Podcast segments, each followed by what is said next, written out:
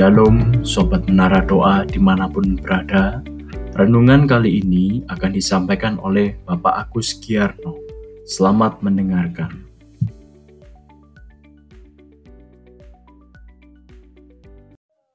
Salam Sobat Menara Doa Pada hari ini kita akan mendengar firman Tuhan dengan tema buah kekristenan. Kita berdoa terlebih dahulu. Tuhan Yesus, kami bersyukur atas kasih karuniamu. Bila hati kami disiapkan untuk firman-Mu. Dalam nama Tuhan Yesus Kristus. Haleluya. Amin.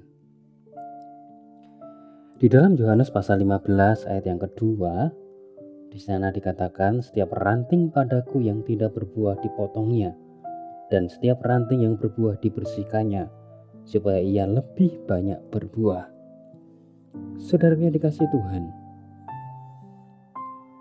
kekristenan bukan hanya sebuah tradisi atau sesuatu yang dibanggakan oleh karena kita Kristen, tetapi kekristenan perlu sesuatu yang harus terjadi dalam hidup kita, yaitu buah.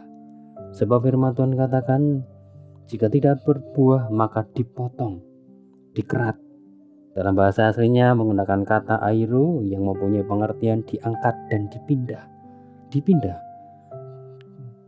Saudara yang dikasih Tuhan, sobat menara doa, kita tahu bahwa di dalam kehidupan kita perlu yang namanya buah. Mengapa? Seorang Kristen tidak berbuah karena tidak tinggal di dalam Tuhan. Kalau tidak tinggal di dalam Tuhan di dalam Matius pasal 3 ayat yang ke-10 di sana dikatakan dia akan ditebang. Dan kedua dibuang. Yang berbuah dibersihkan. Ini sangat sakit. Proses yang harus dialami ketika orang itu dibersihkan. Supaya apa? Tuhan mempunyai tujuan untuk berbuah. Sebab buah-buah pertobatan itu sangat dinantikan oleh Tuhan. Roma pasal yang ke-6 ayat yang ke-22 di sana dikatakan buah yang membawa kepada pengkudusan. Di dalam Galatia pasal 5 ayat yang ke-22 di sana dikatakan buah-buah roh bagi orang Kristen. Bahkan di dalam Filipi pasal 1 ayat yang ke-11 buah yang membawa kepada kesempurnaan. Seorang Kristen tidak dapat sempurna ketika dia tidak berbuah.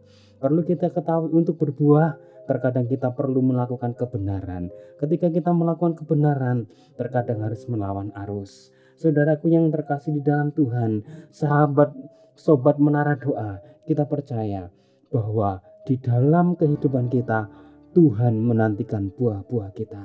Selamat malam, mari kita berdoa. Tuhan Yesus, terima kasih kami mengucap syukur.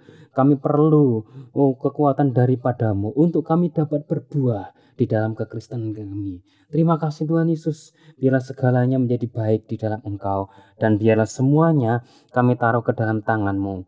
Dalam nama Tuhan Yesus Kristus, kami mengucap syukur pada saat ini. Haleluya, haleluya, haleluya. Amin.